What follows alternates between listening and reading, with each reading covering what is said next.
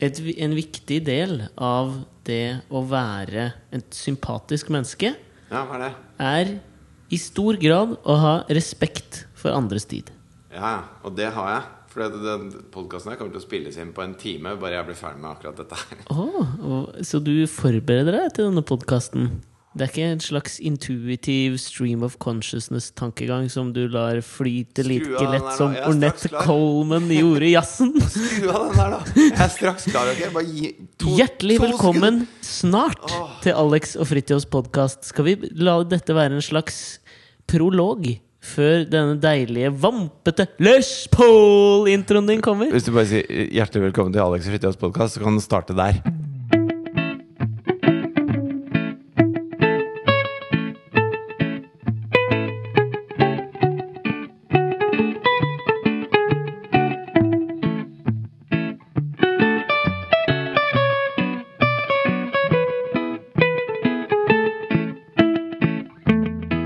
Velkommen til Alex og Fritjofs podkast. Denne Ja, ja, ja. podkasten hvor vi stiller med blanke ark og ikke noe annet enn nyspissa fargeblyanter. To tabula rasaer som sitter her klare til å la en stream of consciousness helt uforberedt renne ut av oss. Velkommen, mitt navn er Fridtjof Rigge-Nielsen. Jeg sitter overfor Alexander Nyhagen. Han har jekket seg en øl. Jeg kan ikke drikke øl, men se hva jeg har tatt med. Hva har du tatt med for noe, min gode kumpan? Faen, har langt ned i sekken den var, da. Ja, Har du knabba den, eller? hva da? Knabba hva? Knabba? Har du naska den? Der, vet du. Å, se på den. San Pellegrino med limon. Limonata. Ok. Jeg har funnet ut at Hvis Ja. man skal være på vannvogna, så Vet du hva? gjør man det Altså, med, Jeg trodde jo lenge med stil. Jeg trodde jo lenge at på vannvogna betydde at man At man drakk. Å, ja. jeg var veldig usikker på om på eller av vannvogna var om man var alkis eller edru. Nei, hvis, man, hvis man sitter på melkerampa, så sitter man og henger. Og en ting til. Apropos melkerampa. Bare så at vi får det ut Altså at jeg får svar på de tingene jeg lurer på, Ja. før vi ordentlig setter i gang. Språk, ass! Fy faen, språk, ass! ikke språk. Nå er det vers og viser. Du vet den humpetitten, humpetatten, humpetitten teia? Ja. Bla, bla, bla, bla, bla, bla. Melkeruta skumper i Nei, humper ifra Skumperud på heia. Eh, sett deg i Eh, sett deg på staget og Hva faen er det som kommer etter det der? Kan noen være snill å hjelpe oss? Jeg kan google det, men jeg har liksom ikke lyst til å bli han som bare googler ting. Nei. Jeg savner tiden da jeg måtte slå opp i leksikon for å finne ut om mauren kunne bære sin egen kroppsvekt ganger 100. Men kan du ikke bare føle at Wikipedia er et slags leksikon, da? Men Jeg, jeg føler ikke at jeg må gi like mye. Og da tror jeg jeg husker det dårligere. Skjønner du at Da jeg måtte reise meg opp fra godstolen, der jeg satt og leste Den lille mauren som hadde bæsjet på seg, og så lurte jeg på Nei, det er ikke den for- lille mauren. Det er muldvarpen. som hadde. Eh, Bæsj på hodet. muldvarpen med bæsj Ja. Men skjønner du på altså, hodet. Ja, ja. Ja. Den fysiske saken som var at jeg måtte da reise meg opp, gå bort til hyllen ja. Hyllen E. Og, Hyllen er veldig bergensk eh, måte å si ja, hyllen da. Språk, ass! Språk! Jeg har begynt å sp... Ja, nei, Jeg altså, har, ja, ja, jeg men jeg måtte, finne. M-en, og da huska jeg det bedre. Jeg har begynt å sporte den nye en- Språkrådet-totebagen min nå, forresten. Fått mye bra tilbakemeldinger på den. Ja, jeg har en løsning til deg. Hva da? Legg telefonen i bokhylla. Sett deg i godstolen. Finn fram ei bok. Så det er derfor jeg liker det! Min gode kumpan! Trodde også det var kumpan, ikke kumpan, veldig lenge. Kumpan. Ja, Ja, Adundas er jo også noe folk eh, tror mye feil om. Peter Dundas, er ikke han en motedesigner som lager Mette-Marit? Peter Dundas. Ja, heter han ikke det? Heter han som bor nede i Milan, eller en av disse store motebyene. Du tenker ikke Milano. på Petter Dass? Nei, ikke Nordlands trompet! Herregud, jeg vet hvem det er! Uh, nei, jeg tenker på Peter Dundas. Jeg tror han heter det! Veldig løvaktig utseende. Kjent design designer. Norsk sådan. tror jeg. Nå fikk jeg Pellegrino limonata i nesa, ass. Du gjorde det? Men, men eh, Peter Dundas, Ja, sier jeg tror det. Fordi ad undas er jo ikke a dundas, som veldig mange tror. Det går ikke a dundas, Det går jo ad. men det går ad undas. Altså, ad betyr jo til. Ja, Men går, undas? Går det ikke til dundas? Nei, det går til undas. Gjør det det? Ja. Hva? Språk, ass! Språk! Apropos språk! Jeg satt eh, og så på sånne trailere. Ja. Eh, ikke, Ja. ikke lastebiler på motorveien. Nei, nei, men jeg skjønte jo det. Men det er jo ikke så Filmtrailere. veldig sp- Ja. ja, de snakker jo på en måte Jeg Ja, tenkte jo på det. Men la meg komme til poenget om språk, da! Og dette blir en bra podkast! Dette lover jævlig godt. Jo, altså i, da, da er det jo alltid veldig det var, De har satt sammen masse trailere i én YouTube-video, sånn at her er de ti fete actionfilmene som kommer i 2015, eller et eller annet. da Ja, Litt som VGTV gjør i den Hot fra Hollywood-spalten sin. Som jeg er det kleineste som fins i norsk Ja. media om dagen. Ja. Og så Er du sikker på at det ikke var den du så på? Var helt sikker, helt sikker. blond dame som sto foran og sa 'Her står jeg på sønnen sitt Ullevål'. Nei, det var ikke det. Men uh, når du får alle de der uh, Hercules-type filmene etter hverandre, Ja. trailerne på de etter hverandre, så ser du jo hvor inn i helvete like de er, da. ja. De er ekstremt like, liksom. Ja. Og så var det en som het Pompeii. Og i utgangspunktet jeg, Handler jo da om Pompeii. tanke, ja. Og for de som ikke vet er det, så var eh. Pompeii var jo en by som lå rett ved eh, Vesuv. Vesuv. Og så hadde Vesuv, som da var Slå en det opp i et leksikon, da! Slå det opp. Hvis du ikke vet hva om Pompeii er Ja. Ja, ok, greit. Ja. Så den het hva? Pompeii. Ja. Og da er det sånn veldig bare Veldig skummelt, og du ser masse askekledde kropper som ligger overalt. Veltrente askekledde kropper. Ja. Eh, og så avslutter det Så sier de egentlig ikke noe om tenker du at det er lite historisk korrekt hvis det var veltrente kropper. For sånn jeg ser for meg, at det var en del vinbellies på den tida. Nei, men faktisk, altså I Romerike var dette med kropp ekstremt fokus på det. Du ser det på skulpturene og sånn. Det, var- det var veldig da var, De var så ripped, de. Ja, de passa på alle- de greiene der. Altså den gemene hop. De som måtte spise kake. Ja, men Hvis du ville opp og fram, så måtte du være vakker og ripped og hensynsløs. Så ikke så rent lite ulikt dagens samfunn, er det det? Du måtte være Aksel Hennie, Ja, rett og slett. ok. Ja. Eh, og så avslutter det bare med sånn Pompeii. Og så tenker jeg eh, Den byen har en sånn klang. Fordi, Ja. fordi det som har skjedd der, har skjedd der. One trick pony-by på mange måter. Ja, og Det var en del sånn gjørmeskred oppe rundt Gjøvik en stund også, når det var mye flom. Ja, var det Gjøvik, da? var det? det? Ja, ja jeg lurer på det. Ja, kanskje ja, oppe rett nord for eh, Sinsen? Men hvis det hadde skjedd et sånt kjempestort gjørmeskred der, da Det har det jo sikkert gjort. Og så skal noen lage film om det, så er det bare Gjøvik. Jo, Og men- det blir veldig rart. Nei, ja, men jeg tror ikke det handler liksom så mye om at det er Gjøvik som om at liksom, Hvis det ikke hadde vært en sånn øh, f- øh, s- Altså et, Men Pompeii før Vesuv, så var Pompeii bare Gjøvik. Ja, Det var bare en sånn by litt sånn i utkanten, og Ja, så sa det faen, bang, og så ble ble det Gjøvik. Pompeii. ja, men jeg kjøper Gjøvik, liksom. I Gjøvik. Gjøvik. Ja, for faen. Jeg kjøper det. det på altså, sånn jeg ser for meg Gjøvik Nå har jeg vært der noen få ganger, ettersom Gjøvik jo er på Toten. Fettsund. Fettsund verre. Verre med. Fettsund. Ja. For Gjøvik Kolbotn. Nei, det funker ikke i det Det er jo en svær myte fra der jeg kommer fra. Altså Kolbotn? liksom- Ja, altså, men jeg er jo på en måte fra Sofiemyr. Åsen! I Kolbotn. oh, på Kolbotn, liksom. jaså, ja. Det er jo grunnen til at det fikk navnet sitt, var at det, det var en svær myr der. En hengemyr. Vet Ja. hva hengemyr er? Hengemyr. Hva er forskjellen på myr og hengemyr?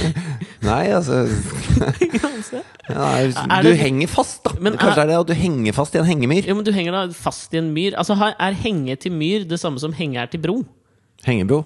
Nei, for den, den henger jo ikke. Den ligger jo på bakken. Jo, men kanskje det er et eh, Se for deg et sånt eh, Henger den i røtter? kan- Jeg har ingen anelse. Drit Men nå i det, da. Altså, det som er greia der altså, Kolbotn har en viss sånn, viss sånn twang. Eller en viss tvang. en viss tvang over seg. Men det at eh, Det gikk jo en myte lenge der, for rett ved, rett ved meg så ligger det en sånn svær nå fotballbane. Ja. Litt som Ekebergsletta, som er et mer gangbart eh, eksempelmynt. For å Eksempelmynt? Ja, Ja, altså det kjenner flere folk til. PGA Norway Cup et cetera. Ja. Og eh, på, Men Sofiemyr har jo en lignende oppbygning, men der var det visst en myr før. Og det er noe litt sånn eh, Kanskje er det noe litt sånn forbrytelsen over det, av at det var en Når du sa et ketera Det er jo et setra. Et cetera. Ja. Nei, så begynte jeg å tenke på Peter Cetera. At han egentlig het Peter Setra.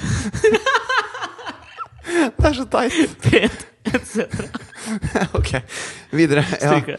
Eh, Norway Cup, ja. Nei, Nei, på eh, Sofiemyr. Og Sofiemyr fikk navnet sitt fordi det var ei jente ved navn Sofie som drukna i den myra. Og det, altså, Noen kunne laget en film om det, og da kunne det Sofiemyr. ja. Ja, er ja. ja. Men eh, jo, Gjøvik. Grunnen til at jeg kjøper det, at begynner med å ha en viss tvang over seg. Med det, og hvis det skulle laget nå, da, at det var liksom 2014, så skjedde det noe der. Ja. Så syns jeg de byene som ligger innenfor to timers kjøreavstand til Oslo, så føler jeg at det skjer eh, eller at det er mye sånn tragiske skjebner hva gjelder narkotika. Folk som tar For hver gang jeg tar toget ut Du tenker på drabant, liksom? ja, Ja. At det, er, det ligger en Wistwang over det. At det Nå må du slutte å si Wistwang, Nå er vi ferdig med det. Ja, det, er blitt, det, er blitt en catchphrase. En Mm. kattefrase. Men at det, at det kan ligge en viss en, en viss tvang over, over de byene Det bare, det bare kommer. Jo, men skjønner du at de, byene som du kan liksom Der er det et visst sånt mør, mørker.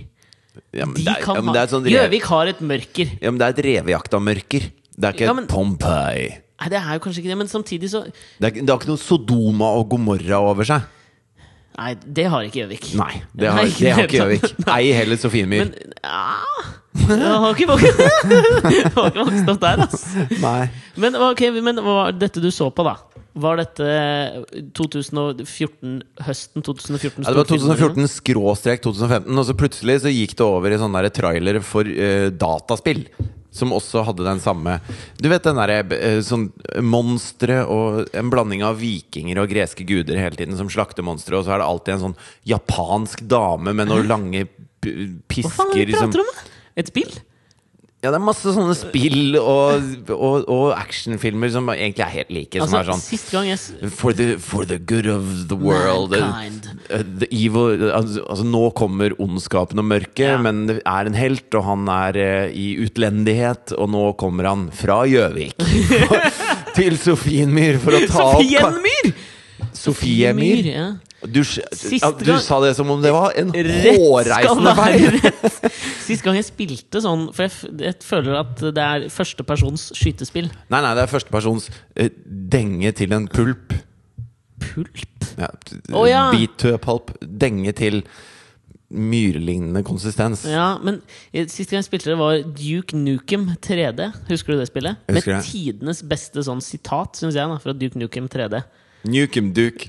Nei, han sa Det var Hvorfor har jeg ikke brukt Ja, det? De ligger jo i tittelen. Duke Nukem. Ja, men han sa It's time to Med det, Og der Duke Nukem hadde jo den stemmen. Den mørke. Ja. It's time to kick ass and shoot. It's time to kick ass! It's time to kick ass ja, Hør, da. Jeg skal prøve. Ok, få høre. Du har det i deg. Ja, vent nå, da. Ja, kom igjen. Ja, Ta deg en slurk øl. Skål, da. ja skål. Pellegrino. Jeg drikker Jeg får bare sitronbrus.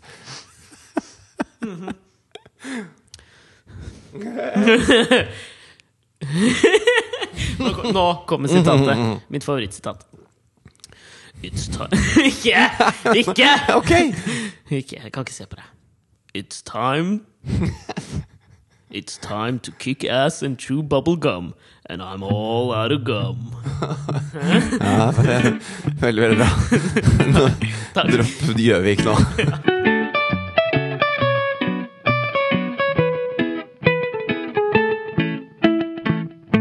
Hva er grunnen til at du pratet, begynte å prate om film? At det har gått så hardt innpå deg at Robin Williams døde denne uka? Eh, Robin Williams er jo enigmatisk som person. Jo, språk! Jeg er enig med deg. Jo, men altså, han er eh, Altså, det, det er jo veldig mange som har uttrykt sin sorg flere steder. Du sendte meg jo et sånt For det første, det heter ikke meme, har jeg funnet ut. Det heter mim. Er det det det heter? Det uttales mim. Me- Det skrives meme, men uttales mim? Ja, meme. Meme. Meme. Jeg fikk en mail om det. Okay. En, lytter da som var veldig irritert på at vi driver og sier meme hele tida. det heter mim. Det heter Men tenk om man meme. Bare, En eller annen kis Ikke mim, som i Madam Mim. M Meme. Meme. Ja, men faen, jeg veit ikke om jeg stoler på en eller annen kis som hører Som i på. å mime i imperativ. Meme! Ja, jeg veit ikke. Jo, fordi jeg gikk så på YouTube, og så skrev jeg Meme pronunciation. Ja, det gjorde jeg! Og da fikk jeg opp en liten film okay. hvor det sto 'meme' i skjermen, og så bare meme. Jo, men- og så ja, var ok. den i to sekunder, da. Ferdig. Ok, greit, da. Meme. Men det er jo da sånne bilder som de legger sånn tekst på. Altså Det høres jo teit ut, men det er en sånn spesiell font, og jeg vet da faen, jeg. Ja, så i hvert fall når uh, Robin Før jeg visste at han var død, Mm. så fikk jeg en tekstmelding av deg hvor du var i harnisk. Ja. Jeg velger å bruke det ordet. Ja, over greit, hvordan folk poster sånne memes. Ja. Med, som blir bare dummere og dummere. Og jeg er veldig enig i at den var veldig dum. Ja. Fordi at det, da satt altså Robin Williams med T-skjorta litt sånn dratt over hodet. ja.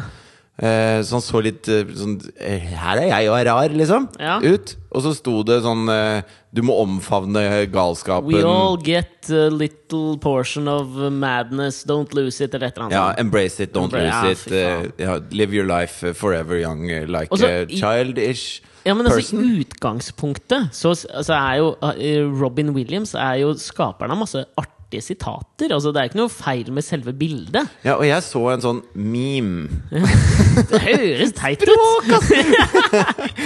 eh, som jeg syns var veldig bra, da med han uh, Robin Williams etterpå. Ja, det har vært én bra, Skal vi se om vi har, for jeg har reagert på én bra som jeg så på Twitter. Ja, Hvor det er klovnen uh, Den gamle vitsen om klovnen Pagliacci Ja. Uh, som kommer til legen. Nei, det er Klassisk! Ja, men det er jo det er sånn Ja. man gjør når man er liten. og forteller punchline før man forteller liksom historien. Ja. Man kommer til legen og sier 'Jeg er veldig, veldig deprimert, kjære doktor. Hva Ja. kan jeg gjøre?' Og så sier han 'Vet du hva, eh, klovnen Pagliacci er i byen'. Det så jeg på en plakat. Gå og se på showet hans. Alle blir glad når de ser Alle blir glad når de ser han. Uh, og da begynte han å gråte, for det var klovnen Pagliacci som var så deprimert. Og, og det syns jeg traff veldig bra på Robin Williams, for Mm. han er jo den klovnen som er uten en bekymring i verden, får man inntrykk av. Og så får man vite gjennom hans død egentlig da, at han er en dypt deprimert person. Mm. Og, og sånn har jeg skjønt at det ofte er med disse kunstnerne. Det, jeg tror det er bevis på at jeg ikke er kunstner. Jeg er egentlig ganske blid. Det, det var gøy. Det var, eller fy faen, gøy. Det var helt Det pluss at jeg ikke lager kunst, da. Ja, jeg veit ikke. Jeg vil jo si at dette For, Om for ikke oratorisk Ja. Språkkunst! Men eh, det var ikke den jeg tenkte på som jeg syns var, eh, var jævla fin. Av disse du, du skjønner memesene. Fordi den syns jeg traff dritbra. han veldig fint, da. Ja, absolutt. ass. Jeg syns det var én til som var bra. Hvis, vi skal, liksom, hvis jeg skal, måtte si en. Okay. Så var det da bildet av der hvor han var jo stemmen til Genie, altså ånden i flaska, flaska Ja. på, i Aladdin. ja. Eh, og så var det et bilde der hvor han klemmer Aladdin, og så sto det under sånn 'Nå er du fri, Genie'. Ok, jeg kjøper det. Problemet jeg har med det Altså Grunnen til at jeg sendte den til deg, er jo ikke nødvendigvis at jeg liksom syns det er så dritt med memes. Nei. Men jeg blir så jævlig forbanna på at folk for, Jeg syns dette har skjedd, da. Når liksom noen sånne kjente personer dør, så syns jeg eh, mens, altså sånn, folk jeg kjenner, legger ut dette som en slags sånn identitetsmarkør. På at liksom, 'jeg digga han her'. Det er ikke fordi du er så jævla trist. Nei, men hvis man, jeg tenker sånn Hvis man eh, La oss si at man eh, er ordentlig trist, da. Over at eh, Robin Williams, som jo har laget eh, ekstremt mye dritt, men også ekstremt mye veldig, veldig bra ting. Absolutt. Hvis man er veldig trist, og så, Kanskje den som lagde den der memen med Pagliacci, Ja. som tenkte at det, nå, nå skjønner jeg mer av han, liksom. Dette er et bilde på Mm. det, det går igjen, da. Gjennom historien så gjentar det seg, og dette Nå, nå skjønner jeg plutselig mer. Mm. Hvis du setter den sammen selv, og så gir den ut der, så er den jo en identitetsmarkør på din uh, sorg og på For din oppdagelse der. Og det, Ja. og det er veldig, veldig fint. Ja. Problemet når du sendte den uh, med han eh, med T-skjorta litt på sneis Ja. til meg, så visste jo ikke jeg at han var død. Jo, du gjorde ikke det? da? Nei, så når jeg fikk den tekstmeldingen der, så, så var eh, det at du hata litt eh, at noen legger ut sånne memes, ble, ble dødsbudskapet. Sånn at jeg klarte ikke å irritere meg i like stor grad som deg. Da, fordi var, jeg ble mer sånn Er han død? Og så inn og sjekke og google og, og lese og sånn, da. Ja. Uh, og da måtte jeg jo liksom Før jeg kunne ta det litt innover meg, så måtte jeg først ta innover meg at jeg syntes det var veldig trist at han døde. For han var jo en, en fyr som utretta veldig mye med livet sitt. Mm. Mye dritt òg, men eh, veldig mye bra. Overraskende altså det, Den ene tingen jeg tenkte på øh, som må være litt sånn kjipt, er jo uh, Fordi jeg, jeg husker jeg jobba med en fyr i VG som sa det at hver gang han fløy så, så Da han gikk på flyet, så så han seg veldig nøye rundt på om det var noen kjendiser på flyet. For, for da, i tilfelle det skulle styrte, så ville det få større oppmerksomhet.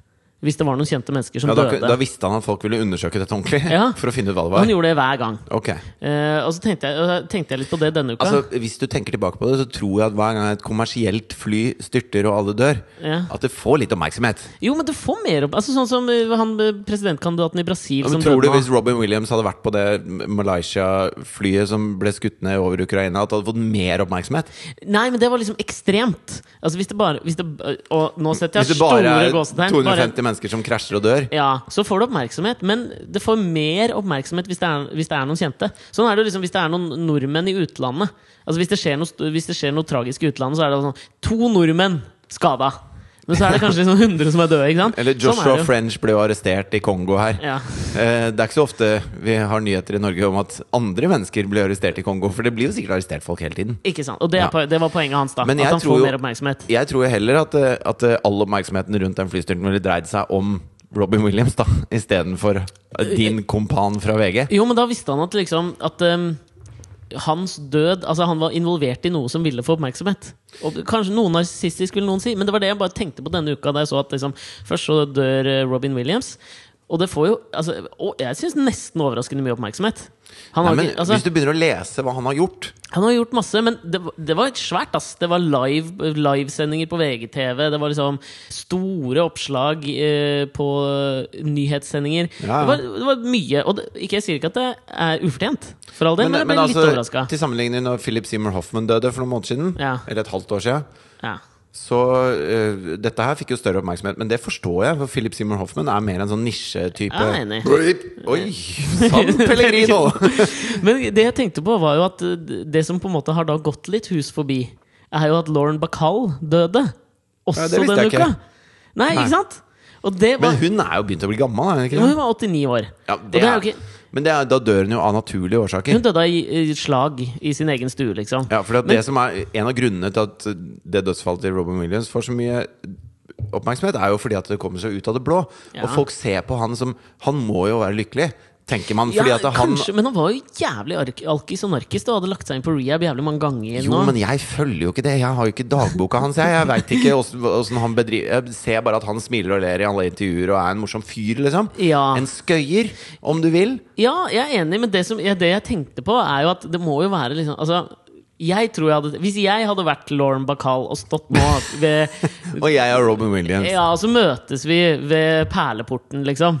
Ja. Så hadde nok jeg sagt til deg Du kunne ikke bare liksom venta én uke, da, så jeg kunne få min kred? Ja, Men du får ikke din kred når du er 89. Jo, for hun- da har du levd livet ut, og hun har gjort fantastiske ting i livet sitt som hun har fått masse kred for. Men hun har levd livet ut. Hun Jo, men- dør med støvlene på, som Doc Holiday ville sagt. ja. Jo, men jeg tror altså, Lauren Bacalls dødsfall hadde fått større oppmerksomhet hvis ikke Robin Williams hadde dødd to dager før. Og det tror jeg jeg hadde vært forbanna på hvis jeg hadde vært Lauren Bacall. Ja, men det, jeg tror, det som overraska meg så fælt, var at uh, han ikke var lykkelig. Fordi Mm. at han eh, var på en måte i besittelse av all, veldig mange av de tingene som vi streber etter da, i livet vårt. Eh, han var Stina Gryn. Han hadde en eh, 130 mill. hørte jeg at han eh, Så Stina Gryn. etterlot Han var meget holden. Ja. Eh, og Han har spilt i 100 filmer, da! Ja, og så var han liksom Han, han fikk til de tingene han prøvde på. Da. Han, han, og fikk folk til å le og var godt likt. Og folk uh, sa at han var sympatisk og hyggelig. Han hadde liksom alle greier på G. Så man tenker at han må jo være lykkelig. For det er jo på en måte sånn vi har lyst til å ha det også. Nå, jeg trekker tilbake det med Gryna. For hvis man skal liksom hvis, hvis jeg skal sette ned mine mål, da, så er det å bli, bli godt likt, og at de tingene jeg lager, blir godt mottatt, og at folk får med seg ting som skjer, og at, det, at jeg lykkes med ting og har det ja, liksom, Klarer å få folk til å le. eh, Er en, er en bra fyr, da. Det er kjempestore mål for meg. Og det er mål som jeg opplever at han oppnådde. Og likevel så viser det at han er så deprimert at han tar livet av seg eh, Eller nå vet vi ikke om, han, om det er bevisst handling, men han var jo så deprimert at det var i hvert fall masse piller involvert. Ja, men han døde vel ved kvelning, eh, leste jeg. Så jeg ser for meg at det var at han hengte seg, liksom. ok Men jeg, vet du hva, det, jeg, jeg hørte på en eh, Nå skal jeg ta en Så liten for meg så, er, Bare for å fullføre, da, så er det så, det er så mindjob at det, det er som om Brad Pitt liksom skulle ta livet av seg, for han er så deprimert. Jeg, jeg, Han har liksom ikke lov til å være deprimert. Ja, Han er Brad Pitt. Ja, det, det, det fikk jo jeg, jeg, skal, jeg må komme tilbake til en ting du sa der, men det var, jeg synes det var fascinerende. Så nå er det to stykker som har havna i litt bråk etter Robin Williams' dødsfall. Den ene er en sånn Fox News uh, anchorman. Den andre er jo Robbie Williams, som alle trodde var død en stund. Dårlig. Det var en sånn Fox News-anker som, som uh, rapporterte live da fra, døds, uh, altså fra dødsfallet, på en måte. Og så presterer han å si liksom sånn og at en, Han sa liksom det som du sa, og at, en, en, eh, og at han er så feig at han velger å ta livet sitt. Det er ikke noe det, det sa ikke jeg. Nei, men han sa det, da. Ja. Eh, det var han ene. Og så så jeg Du kjenner til Rush Limbaugh? Han konser ekstremt konservative radioprateren i USA. Ja, han, eh, han uten hjerne. Ja, Liksom, hvis, du slå, hvis du går, reiser opp av stolen din og går bort til leksikon og slår opp liksom erkekonservativ amerikaner, republikaner Han er det mest provoserende mennesket på planeten. Ekstremt Ja. provoserende type. Men han øh, skulle jo da rapportere fra dette dødsfallet på radioshowet sitt. Og det han presterer å liksom vri det om til, er at det, folk på venstresiden i politikken Det er jo ikke rart at det skjer. Så, altså, det er noe i karakteren din. Hvis du er på venstresida i politikken. At du bare At du tar livet tar livet av deg. Ja. Det er så godt gjort! Jeg, ah. At han klarer å få eh, Robin Williams sin tragiske død til å bli et angrep på demokratene. Det er faen meg, er faen meg godt gjort, Ja, det, liksom! er, det er en bragd.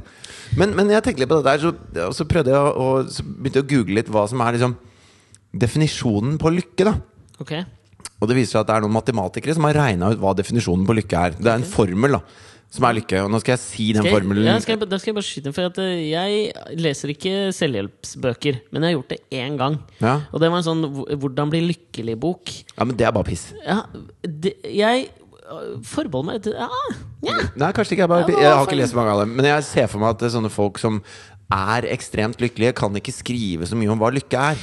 Jeg, tror de som skriver om hva lykke er, er de samme som reposter sånne memes. Ja. Det tror jeg er de folka. Sorry, nå Helt kan du få lov å ta den. Uh... Jo, så uh, Formelen for lykke er jo da en, en rad med tall og bokstaver, på en måte.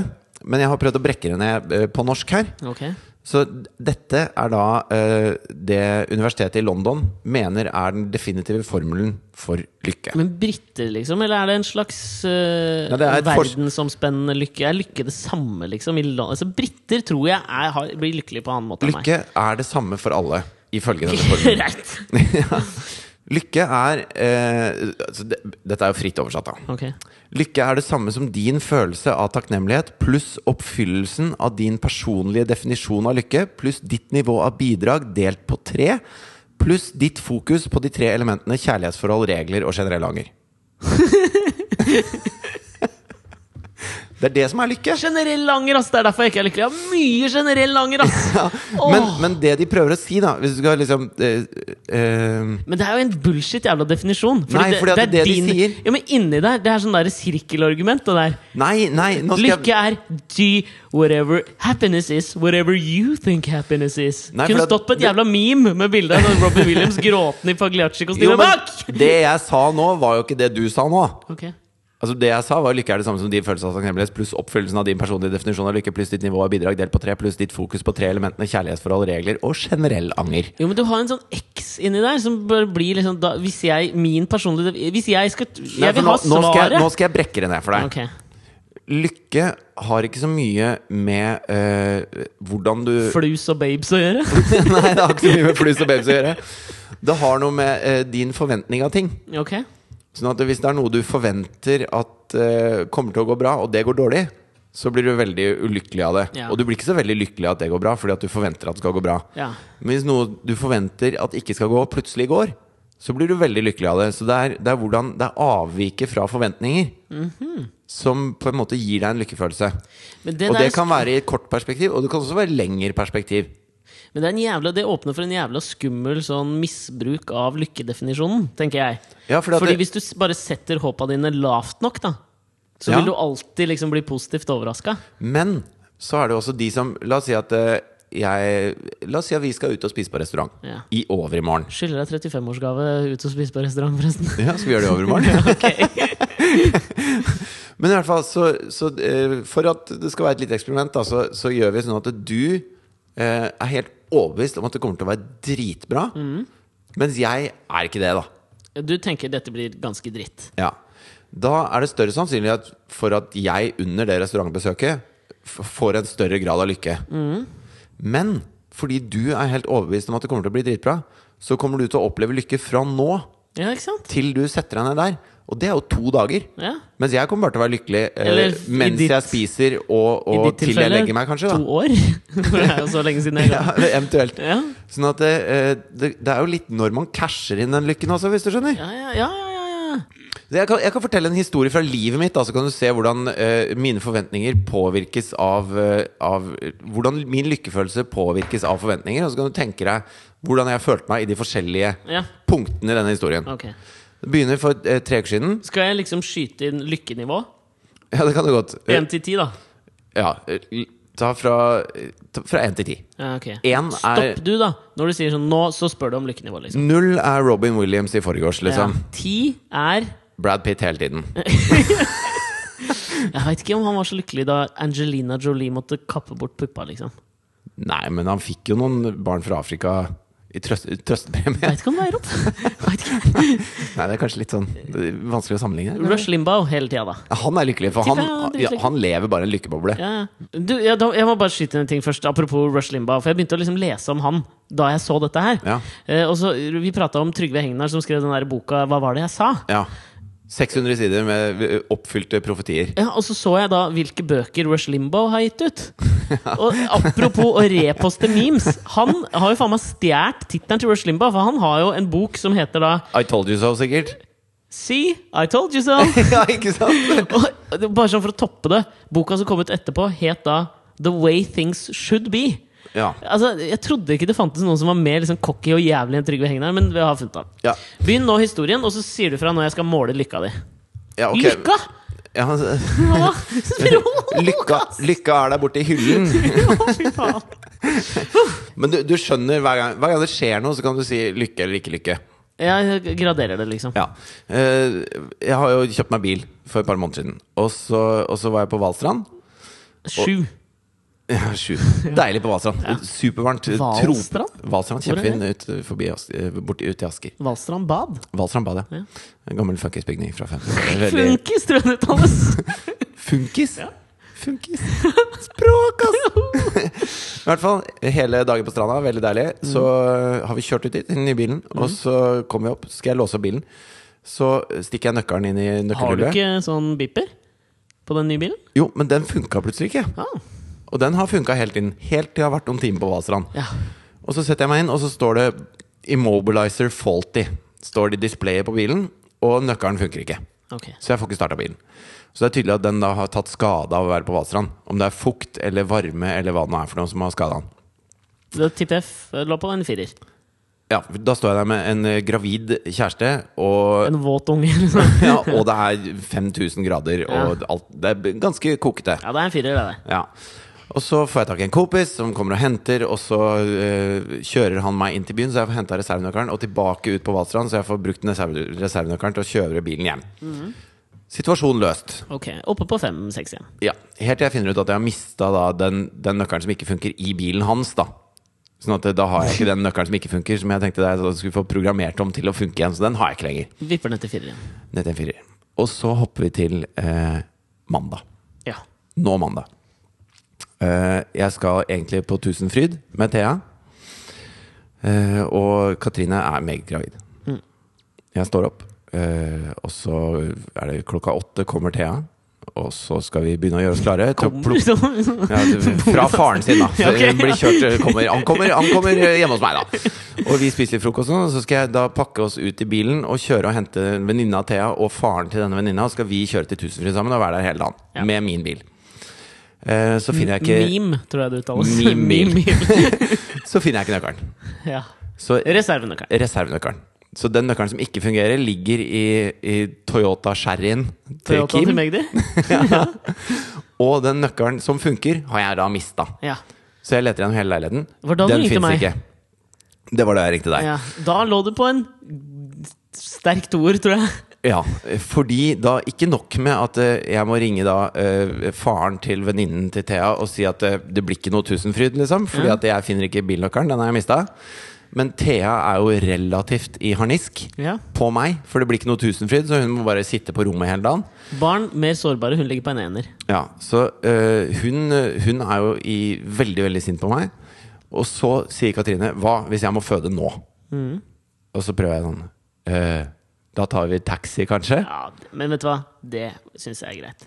Og så sa hun det kommer ikke på tale at jeg skal sitte med pressrier i en taxi. Jeg vil ikke ha noen andre der i den bilen når vi kjører til sykehuset. Og så sier jeg, Oi. men eh, ja Men virkeligheten er nå engang sånn at jeg har mista denne bilnøkkelen. Hvor hun da eh, Hennes løsning er å gå inn på soverommet, smelle igjen døra og så si til meg gjennom døra at da må jeg bare leie en bil som står utenfor på ubestemt tid. Ja. Så da står jeg her, klokka er ni, og de to eh, kvinnene i mitt liv er på hvert sitt rom med dør lukket. I fly forbanna på meg. Bilen står parkert utafor uten mulighet til å komme seg inn i. Jeg har mista nøkkelen. Ja. ja tre. Bikker nedom to, altså. Ja, men altså, ja, faen, du lå på en sterk toer i stad. Ja. Den er toer. Ja, Den er relativt lav. Ja. Så jeg mobiliserer litt kompiser. da. Jeg får Jon til å kjøre meg opp på jobben til Kim, så jeg kommer inn i eh, den bilen hans for å hente den defekte bilnøkkelen min. Sånn at jeg kanskje får da, Jon til å taue min Peugeot opp på Peugeot, sånn at de kanskje kan kode om den nøkkelen. Sånn at den funker igjen. For hvis ikke så tar det halvannen uke å bestille ny nøkkel, og da må jeg leie en bil fra Bislett Bilutleie til 1200 kroner dagen som står utafor hjemme hos meg, og det kommer ikke på tale. Nei. Så vi kjører opp, eh, opp i Maridalen, henter en bilnøkkelen, kjører ned igjen. Og så kommer vi på Langt unna! Langt unna. Så kommer vi ned, og da eh, idet vi kommer fram til Peugeot, så finner vi ut at vi har ikke slepetau. så det skulle vi egentlig kjøpe på veien. Det glemte vi. Ja, jeg sparer eneren, jeg, i tilfelle, men her kunne du vært nede på en ener, ass. Ja. Og så tenker jeg at det, det kan jo hende at det ligger et slepetau i den nye Peugeoten min. Ja. Så jeg setter meg inn, låser opp eh, den, og så Jøye roper meg, for en Houdini du er. Sånn. med, ja, ja. Og så roper Jon da fra bilen sin Mm. Prøv den nøkkelen! Så stikker jeg den nøkkelen, og den maler som en katt når den starter med den defekte nøkkelen. Og, og her kommer den, derre, eh, den ligningen inn, ikke sant? Ja. Fordi at det, alt var dritt. All framtid for meg var relativt dritt. Nær framtid. Og den nøkkelen her var ødelagt. Det er ikke sånn at når en immobilizer er faulty, så begynner den plutselig å funke igjen. Hva faen er immobilizer? Det er den lille chipen som sitter i nøkkelen. Så den ble ødelagt da på Valstrand av varme eller av fukt eller av et eller annet. Ok. Og da er det elektronikk som er brent opp, liksom. Så den skal ikke begynne å funke igjen. På Peugeot sa de at det var ikke kjangs i helvete at den begynner å funke igjen hvis den først er ødelagt. Okay. Og så virker den. Mener, for meg så var det som å vinne i Lotto. Jeg satt og skreik inni den bilen akkurat da. Jeg var så intenst lykkelig. Tok du en bitte liten runk? Ja, det var da jeg skreik. men, men til sammenligning så har jeg starta bilen liksom med den samme nøkkelen eh, 20 ganger siden det, siden mandag. Pff, ikke noe lykke. Sånn at det er Jeg tror de har rett. Det er forventningene som styrer deg.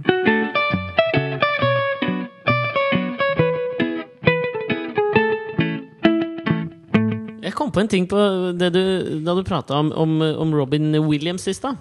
Men Mm. altså At man ikke nødvendigvis blir lykkelig av å ha jævla mye spenn. Nei.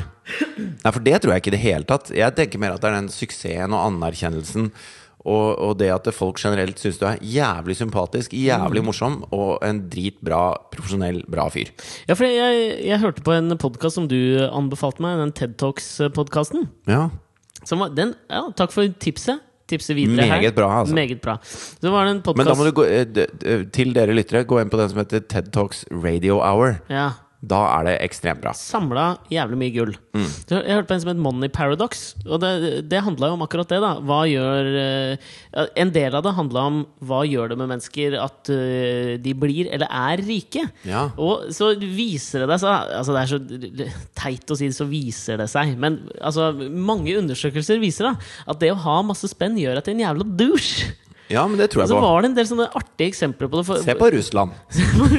jo, men altså Det er jo en sånn altså, Det er en sånn gjengs tanke om at liksom rike folk er noen drittsekker. Men så, hvordan måler man det, liksom? Og Drittsekk. ja, nei, hvordan måler man om noen er drittsekk fordi Ja, de har penger? Det er er de jo hadde- like vanskelig som å måle lykke. ja, det, er- ja, egentlig. Men her hadde de også da funnet noen måter borte i USA. De er så smarte bort borti USA. Pennsylvania. Ja. Der hadde de funnet ut noe. Penn State University, Ja, jeg tror faktisk det var det. jaså, ja. Eh, der hadde de gjort var det ikke der det var en sånn svær skandale med, med eh, en sånn uh, amerikansk high school fotballcoach? Ja. Hva var det, da? Det var noe, det var noe sånn derre Ah, skulle hatt et leksikon her? Nei, nå vet jeg hva det var! Ja. Han hadde drevet og uh, sett på noen gutter i dusjen. Ja, hvem har ikke Det var noen gutter? smågutter. Hvem har ikke sett på smågutter i dusjen? Hva faen er det du Ja, men jeg mener bare med? Da du gikk på barneskolen, som var den dårligste unnskyldningen Nei. så kommer gymlæreren alltid inn, og vi hadde kvinnelig gymlærer, og det, unnskyldningen hennes var alltid 'Slapp av, jeg har sett dette før'. Det holder ikke, liksom! Ok, du har gjort det før. Ikke se på meg fordi du har sett på en gutt før. Bare fordi du er en seriepedofil, så trenger ikke det å bety Slapp av. Slapp av! Gjort det før! Jeg, jeg holder ikke! Det er så bra at Tosca kommer inn på Nokas og bare Slapp av! Gjort det før! Det er ikke noe å bekymre seg for. Men på på dette universitetet så hadde de gjort en del eh, tester. Og det var, var jeg, det, var, det var to jeg syntes var jævlig gøy. Den ene var at de hadde da De hadde liksom kalt inn da to i utgangspunktet like personer til å sette seg ned og spille Monopol. Allerede der syns jeg det er flawed. Ja, kanskje, men altså, To i utgangspunktet like Ja, personer. Ja, Sånn som deg og meg, da, for eksempel. ja, ja, men det ikke, du kommer til å skjønne det. Ok, greit, greit. Og det som er poenget da, var at den ene fikk Altså, de kasta mynt på starten, øh, og den som vant myntkastet, fikk i en jævlig fordel. Fikk mye mer penger. Fikk den svære limousinen som du har som brikke. Og den andre fikk den lille skoen. Den Ja, slitte ja. skoen. Og alle og fikk lov å flytte, kaste to terninger. Alle fordelene. Jeg heier så jævlig på han som ikke fikk alle fordelene. Du heier på underdogen. Ja, ja, alltid. Um, men det som skjedde, var jo alltid at den øh, som fikk øh, headstart, vant. Ja. Og så snakket de med dem etterpå. nei, det de gjorde var at de fikk dem til å prate sammen etterpå. Så snakk om, om spillet. Hvordan det gikk, og hva som skjedde. Og utrolig fascinerende å, å høre da hvor ofte de som hadde fått den headstarten, egentlig mente sjøl at ja, men 'jeg tok noen riktige valg her og der'. ja. At de, det var liksom deres egen skyld at de vant. Og samtidig også så hørte du at etter hvert ute i spillet altså, så begynte vi å flytte brikken dobbelt så vi målte lyden dobbelt så høyt. Altså De dunka brikken liksom hardt ned. når Se de hva jeg får til! ja, det var litt sånn da Og at de styrte spillet og var jævlig høylytte og sånn. Ja, ja. Det var liksom den ene tingen de testa. Det er akkurat som eh, Men det, det du mener er at de som har fått alle disse pengene, de ser ikke den fordelen. De tror at det er de som er flinke, liksom. Ja. Det er akkurat som når Jed Bush, da. Broren Jeb. Jeb. Ja. Er det Jed eller Jeb? Jeb. I'm a Jebai. I'm a når han used the fork. Nei, men når han eh, For han har uttalt at det å være en del av Bush-familien Altså med to, to presidenter i familien Nær familie! ja. Far og bror. Eh, han mener jo at det har vært eh, en, Guvernør i Florida? Ja, i hvert fall guvernør et eller annet sted. Jeg tror det er Florida. For det Eller var alltid, Texas. nei, men var det ikke Stemmejukset var vel i hans stat? Ja, det er mulig. Men i hvert fall. Han mener at det har vært et drawback for han. Det, Det har, vært en noe hem, jævla det, bullshit! det har vært en hemsko for han å ha to sittende presidenter i nær familie. Det, er- han er så fikk så, bullshit. mye penger Ja, jeg vet ved starten. Altså Når han kom ut, så bare plopp! Der, ja, der kan jeg ha en veldig fin karriere innen politikk. Men alt har jeg fått til selv. ja. Det er akkurat det Følg samme. med, nå skal jeg flytte brikken min framover! her. Florida! Men den andre ting de hadde gjort, som også jeg synes var jævlig gøy å se, var at de stelte seg opp på en av de mest trafikkerte veiene i California. Uh, fordi der er det en Uttaler vi selv California. Unnskyld, California. For der er det, og det visste jeg ikke, der er det en, eh, et lovbrudd da, å ikke stoppe for fotgjengere. Da får du Ja. bot. Ja. Veit ikke om det er det i Norge. Mm, eh, jo, på overgangsfelt er de, der skal man stoppe. Ja. Ja. Men i hvert fall, der var det sånn. Det var litt sånn Har ikke du lappen, da. ja. I hvert fall foreløpig, si. Ja, inntil videre. Um, og så satt de liksom en liten forskningsgruppe 100 meter foran gangfeltet, og så var det da en av eh, studentene som da sto og venta på å gå over veien. Og så registrerte de bilene som kjørte forbi, og de bilene som var uh, dyre, og de bilene som var liksom billige biler. Ja. Fordi det gjenspeiler jo kanskje da uh, Et inntektsnivå. Ja, et inntektsnivå. Og i 90 av tilfellene da så stoppet ikke den rike bilen i Gåstein, Ja. men den fattige bilen stoppa. Men det tror 90 jeg, tror jeg det var. ja, men det tror jeg har noe med at uh, I hvert fall Det I er LA. limousinen på nytt, liksom! Ja, men i hvert fall i LA så er det sånn at det folk som har penger, de går ikke. Punktum. Sånn at de klarer ikke å, å sette seg inn i hvor, de, er, de har en slags Breiviks tilnærming til fotgjengere. på en måte De har, de har ikke begrep om hva en fotgjenger er, for de har aldri vært det. Ja, nei, jeg skjønner hva du mener. Mens de som kjører litt mer eh, skrufne biler, de går sikkert mye også. Så de veit hvor irriterende det er når folk ikke stopper for dem. At monopol kunne på den måten være en såpass hard og sterk analogi skoen og limousinen. Fy faen, det er ikke, et, det er ikke bare et, det er ikke bare en morospill. Det er et Men- spill om livet, for faen. Men dette med, dette med å heie på underdogen og sånn Ja. Det, ø, ø, altså, På den 100. podkasten så ga du jo meg det som et av de komplimentene til meg. At jeg, når jeg ser på fotball, så heier jeg på de som holder på å tape. Ja. Stort sett. De, som, de som jeg syns er fair at vinner. Ja, liksom, Og det er veldig ja. ofte underdogen. Og det er, det er jo ikke bare meg, det, det tror jeg er en veldig sånn menneskelig ting. At man, altså det er jo litt av det som gjør at vi engasjerer oss sånn i Israel-Palestina-konflikten, Mm. og som det bombes eh, Det bombes jo begge veier. Mhm. Men det er jo noen som får mye mer vondt enn de andre. Altså Det er noen som fikk eh, utdelt noe penger ved start her, Ja, ja, på en måte. Ja. Og som flytter limousinen sin med veldig høy lyd Ja. nede i Gazastripen. ja. Og da heier vi automatisk Det er jo ikke det at jeg er så politisk enig med Hamas. Jeg håper ikke det, ass, for jeg leste ikke. det charteret. Ja, ja, men, men akkurat den samme runden gikk man med PLO og Yasir Arafat Ja, ja. også. Eh, For PLO hadde også et charter som eh, Og på søndag dreper vi søndagsfolket, som jo da er de kristne. Og, og, ikke sant? At det, det, var et forferdelig charter de også hadde. Og det er klart, når man leser disse, de ti bud til terrorgutta, da, Mm. så er det jo ikke så bra bud. Eh, og dette, det, det at vi syns det Israel driver med nede på Gaza, er en vederstyggelighet, har jo ikke noe med at vi støtter Hamas så fryktelig. Det har rett og slett med den underdog-greia å gjøre. Men så i Kakeringen så jobber jeg sammen med Monica Sjango. Hun er jøde, er hun ikke det? Jo, og dommer i Kakeringen. Først, først og fremst Er du Ja. først og fremst jøde, eller først og fremst dommer i kakeringen? Nei, men hvor hun da eh, Hun er ikke så Hun er ikke religiøs. Nei? Men hun er da eh, født av jødisk herkomst. Det er opprinnelig fra Ungarn. Mm. Eh, Hun lagde vel en fantastisk flott dokumentar da hun var og lette etter Var det moren sin? Faren sin? Eller Ja. bestemoren sin nede i Ungarn? Ja, og hun har veldig uh, sterke bånd til den kulturarven fra Bucuresti, da, som er der familien opprinnelig kom fra. Ja. Og familien ble jo fordrevet av nazistene under andre verdenskrig. Og uh, veldig mye av de tingene har hun på en måte følt på kroppen, og føler også på kroppen gjennom eh, det at hun har så nært bånd til den kulturen. Da. Og det er mer den kulturen enn den jødiske religionen nødvendigvis. Ja. Um, og så hadde hun et innlegg, jeg tror det var i Aftenposten, hvor eh, hun skrev litt om eh, eh, den skammen hun følte hun ble påtvunget fordi hun var av jødisk herkomst, på en måte. Og at, at det veldig mye av det engasjementet vi i Norge da, blant annet har for de menneskene i Gaza som blir bomba, det blir omsatt til en slags antisemittisme. Og, og jeg syns jo veldig ofte at eh, spesielt da liksom, de som styrer nede i Israel, er veldig tidlig oppe med dette antisemittisme og holocaust-fornekter-kortet. ja. At eh, når man prøver å snakke om hva er det som skjer akkurat der akkurat nå, så kommer de og trekker opp ting som eh, jeg føler ikke er relevante til den konflikten lenger. Fordi at den konflikten har fått sine egne bein å gå på. Eh, men hun eh, er jo en, en moderat person som ikke liker det Israel holder på med der nå. Eh, men det forandrer på en måte ikke at hun er eh, av jødisk herkomst i Norge og, og stolt av den kulturen. På en måte Som ikke er den kulturen de bedriver mot eh, palestinerne. Nei, nei. Eh, og, og jeg syns jo det er så viktig at sånne moderate stemmer heves, da. Fordi at det eh, Det er den eneste måten hvor vi kan få et mer nyansert forhold til det med eh, jøder på. Fordi at hvis, hvis norske jøder som, som ikke er enig i det som skjer akkurat der, akkurat nå Men eh, selvfølgelig er jeg enig i at eh, staten Israel har en rett til å eksistere, f.eks.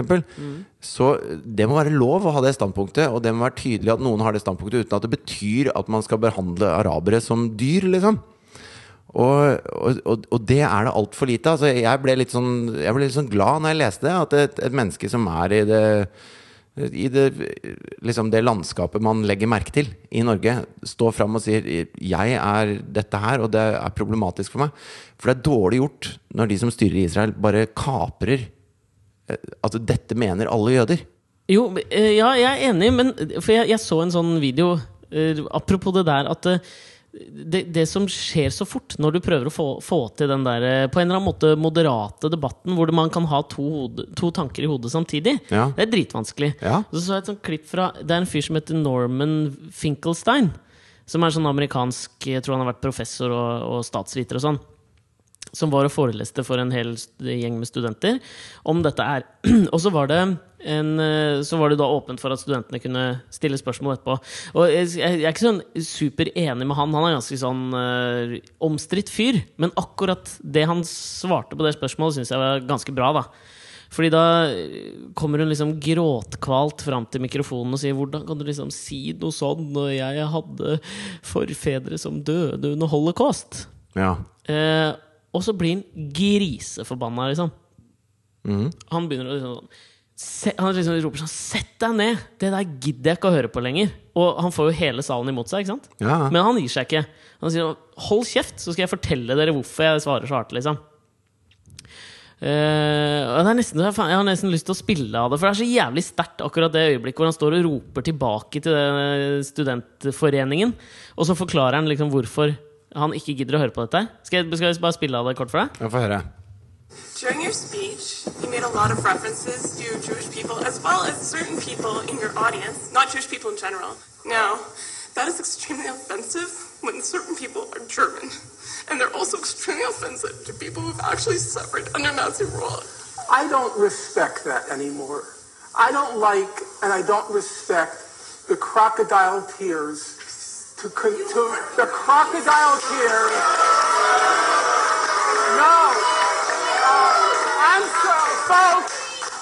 Allow me to finish and allow me to allow me to finish. I don't like to play the foreign audience the Holocaust card. But since now I feel now I feel compelled to, every single member of my family on both sides was exterminated, and it's precisely and exactly because of the lessons my parents taught me and my two siblings that I will not be silent when Israel commits its crimes against the Palestinians. And I consider nothing more despicable than to use their suffering and their martyrdom to try to justify the torture, the brutalization, the demolition of homes that Israel daily commits against the Palestinians. So I refuse any longer to be intimidated or browbeaten by the tears. If you had any heart in you, you would be crying for the Palestinians, not for what being done. Den er tydelig, ass. Ja, og, og jeg, jeg skjønner jo så innmari godt, fordi at det, det, er jo, det er jo hele kjernen av problemet. Er jo nettopp det at når, når eh, vi i 2014, altså du og jeg, da, som ikke har noe forhold til eh, eh, det som skjedde under andre verdenskrig, annet enn fra bøker og fra historier og filmer, så, så blir det, det holocaustet som skjer der nede nå, er mye mer hånd, håndgripelig for oss. Og det spiller ingen rolle hvilket folkeslag det utøves mot eller av. Det er bare at de tingene der må vi fjerne. De tingene må ikke skje. Og derfor er det så viktig når øh, øh, mennesker i Israel, og mennesker som støtter det Israel gjør eh, nå, eh, står opp og sier at 'dette mener alle vi', så må de som da eh, føler at, man snakker, at de snakker på deres vegne, og ikke er enig, de må reise opp sånn som han gjør, og sånn som. Monica også gjorde. Og, og det er først da eh, antis, fordi at det, det er derfor det blir antisemittisme. Fordi at de menneskene ikke reiser seg opp. For Hvis man får inntrykk av at alle jøder syns at det er helt i orden, så blir man jo imot dem, da. Og så er det jo liksom fascinerende synes jeg, at vi fortsatt kan tenke på liksom sånn jøder som én ting. Ja, jeg gjør Det- jo ikke det. Nei, jeg gjør ikke. Du Jeg har tenker jo har kjent på Monica i flere år. Jeg har visst at hun er jødisk, men jeg har aldri tenkt på henne i forbindelse med den konflikten som skjer der nede fordi hun er av jødisk herkomst fra Ungarn. Altså, hun har ingenting med det å gjøre. Nei, og så er det fascinerende at vi jeg, i hvert fall, jeg kan jo bare snakke for meg sjøl, men jeg føler at det er for flere at du tenker veldig sjelden på uh, andre liksom, grupper eller nasjoner som én ting. Nei, nei, nei. Altså, du tenker ikke på, Jeg tenker ikke på amerikanere som én ting. Jeg tenker ikke på nordmenn som én ting Men jeg tror det er mange som tenker på amerikanere som én ting. Ja, og det er også feil, liksom. Ja, det er også Men feil. i hvert fall ikke ta noe nærmere, da, sånn som nordmenn. Men Her la oss- hvor vi bor, si at- liksom, vi veit jo at det, det er ganske mye forskjellig, da. Ja, La oss si at Tom Stiansen da hadde bodd i Markveien. ja. Og så hadde han sagt at eh, altså, mannlige TV Norge-programledere som bor i Markveien, mener dette her. Ja. Og så hadde han sagt et eller annet helt drøyt. Da måtte jo du og jeg, Vi- som altså, er mannlige TV Norge-programledere som bor i Markveien Vi måtte jo da sagt eh, Nei, Eh, det er vi ikke helt enig i, Tom vi Stiansen. elsker ikke Din jævla rasist, Tom Stiansen! Ja, Tom er veldig hyggelig. Ja, ja, Han ville aldri sagt noe slemt til noen, tror Nei, jeg. men Han kunne f.eks. sagt alle mannlige eh, TV Norge-programledere i Mark Markveien elsker memes. Da Ja. måtte vi stått opp For vår sak. og sagt hei, hei, Og lagd en meme. som sa Tom Stiansen, You fucking cunt. det er du som er Pagliacci.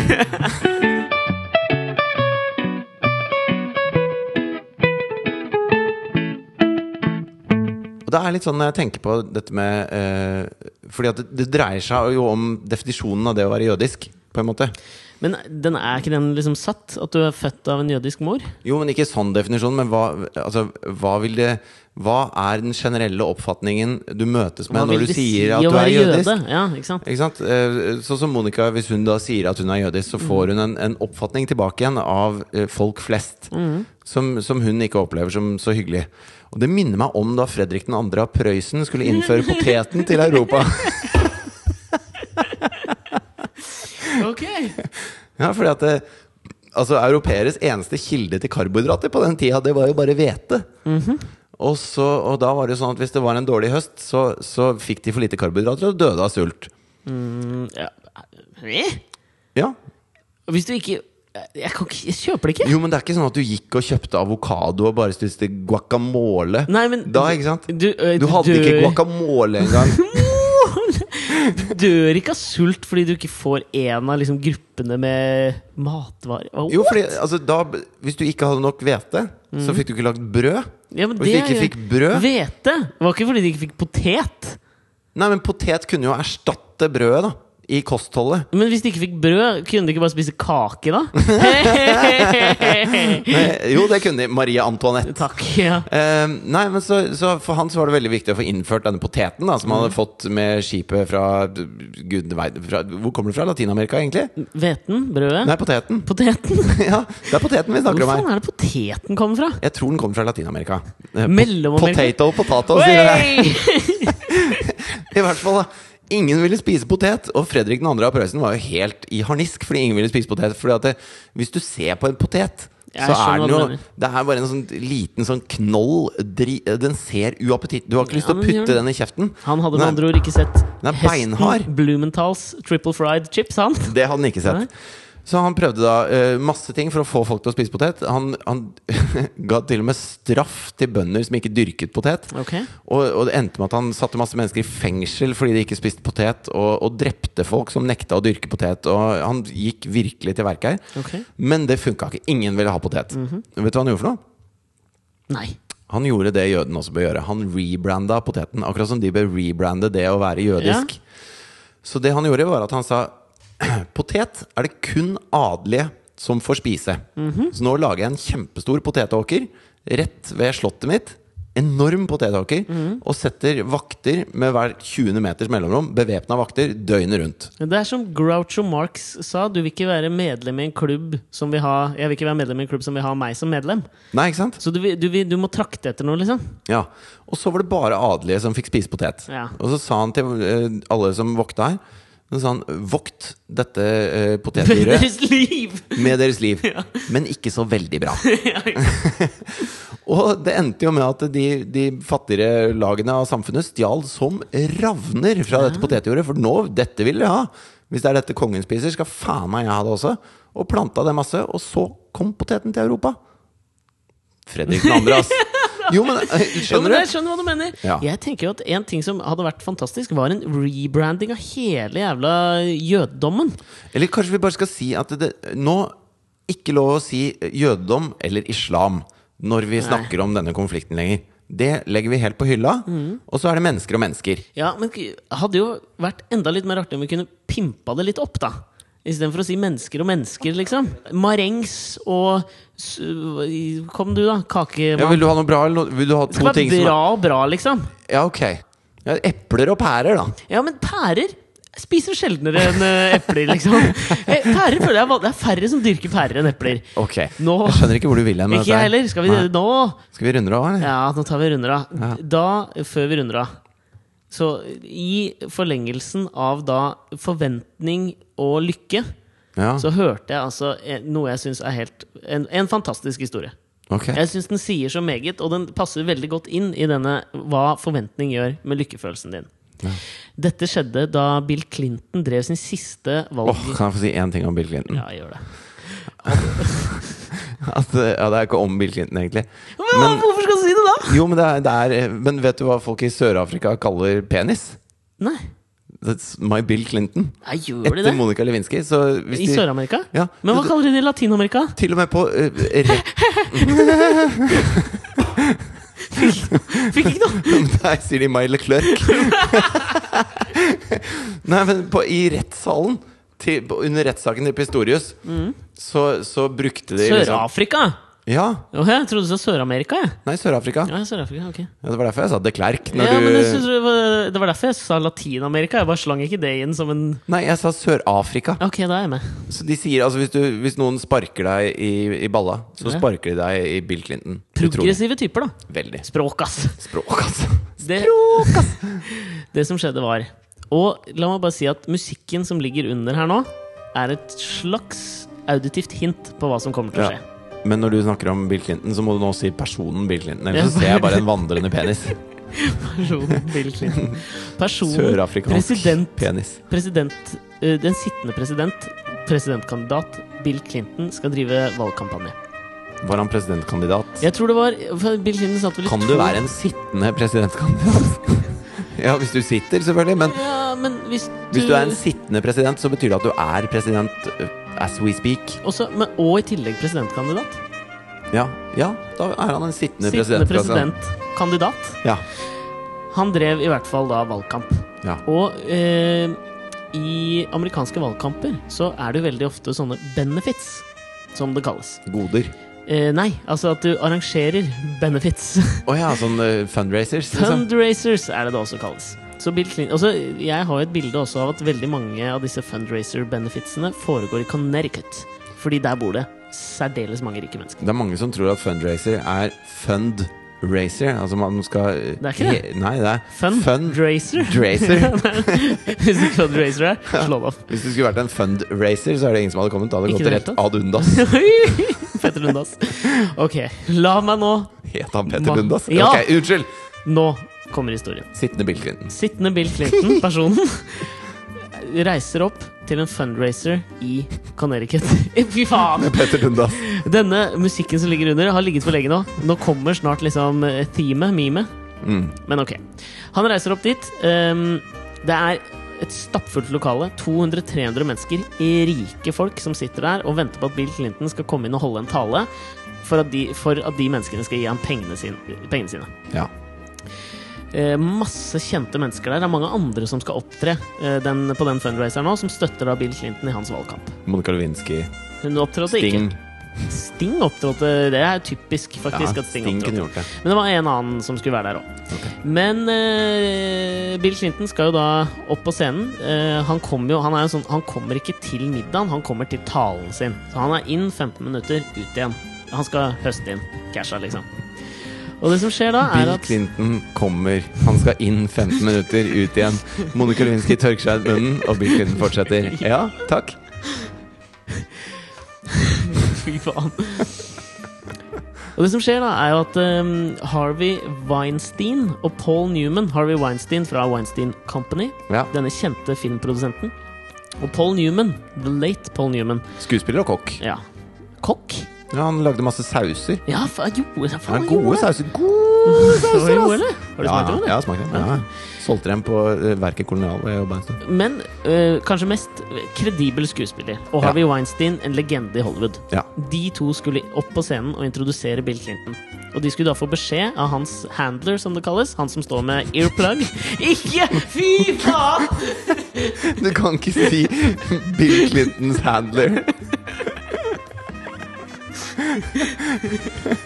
Du kan si det til vanlig, men ikke akkurat nå. Ja, hva faen heter det, da? Nei, han som eh, Han som øh, Innkasteren. Planleggeren. Planleggeren til Ja. Bill Clinton. Ja. Han skal gi dem et hint da når de skal gå på scenen, for da Nei! Nei, ja. Da er Bill Clinton i lokalet. De to d- altså dobbeltdørene inn i lokalet skal åpnes. Bill Clinton skal komme inn. Spotlighten skal komme på han. Fy faen!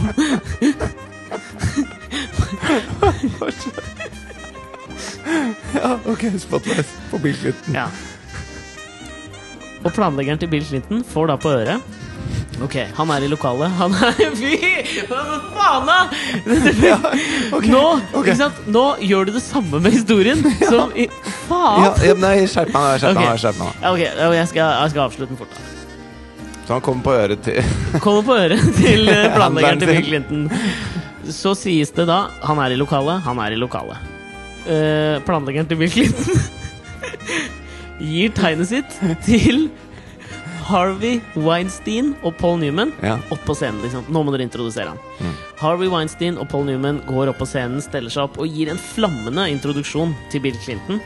Og skryter han opp i skyene. Dette er liksom Bill Clinton er i lokalet. I dag er det han det handler om. Vår neste president. USAs president. Folk, Jeg ser for meg at også at folk roper sikkert USA! Ja, ja, ja. USA! Altså, det Det er. Independence Day. Ja, og så sier de eh, For det skjer jo når presidenten skal inn i et lokale.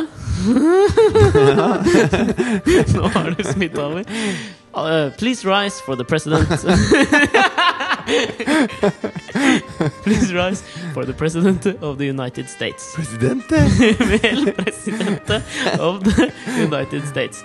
Alle reiser seg. Doble dørene åpnes. Spotlighten kommer ned. Og den som kommer inn, Ja. trakterende sin fløyelsmyke saksofon, er Kenny G. Ok. For det var feil handler han hadde fått på øret, så Kenny G var i lokalet. Bill Clinton var jo ikke i nærheten. Hva? Så Kenny G kommer inn i lokalet, alle står og applauderer og venter på fuckings Bill Clinton, og så kommer Kenny G! Bill Clinton er ikke der Han er ikke der engang! Skjønte ikke den historien. Nei, fy faen! Åh, ja, ja. Jeg håper noen av lytterne skjønte den, da. Ja, det gjorde de helt sikkert. Det er ikke så lett noen ganger. Nei, nei, nei. Tusen takk Det for var at du som kom med så mange sånn ja, ja, Nei. Ja. Det var du som sa Bill Clinton hele tida. Jeg ble helt uh, tenkt bare pung, jeg. Ja. Hør på oss neste uke òg, da. Kjære, kjære lyttere. Ja. Vi kommer ut hver fredag, denne podkasten, for dere som ikke vet det. Det er bare å reise seg. Bare å reise seg. For the president of the United States. Vi går jo ut da på Kenny G. Ja. Er ikke det greit, da? Litt fløyelsmyk saks inne i fredagsmorgenen på vei kanskje til far. Nei, det var ikke noe bebop, ass! Ha det bra! Ha det.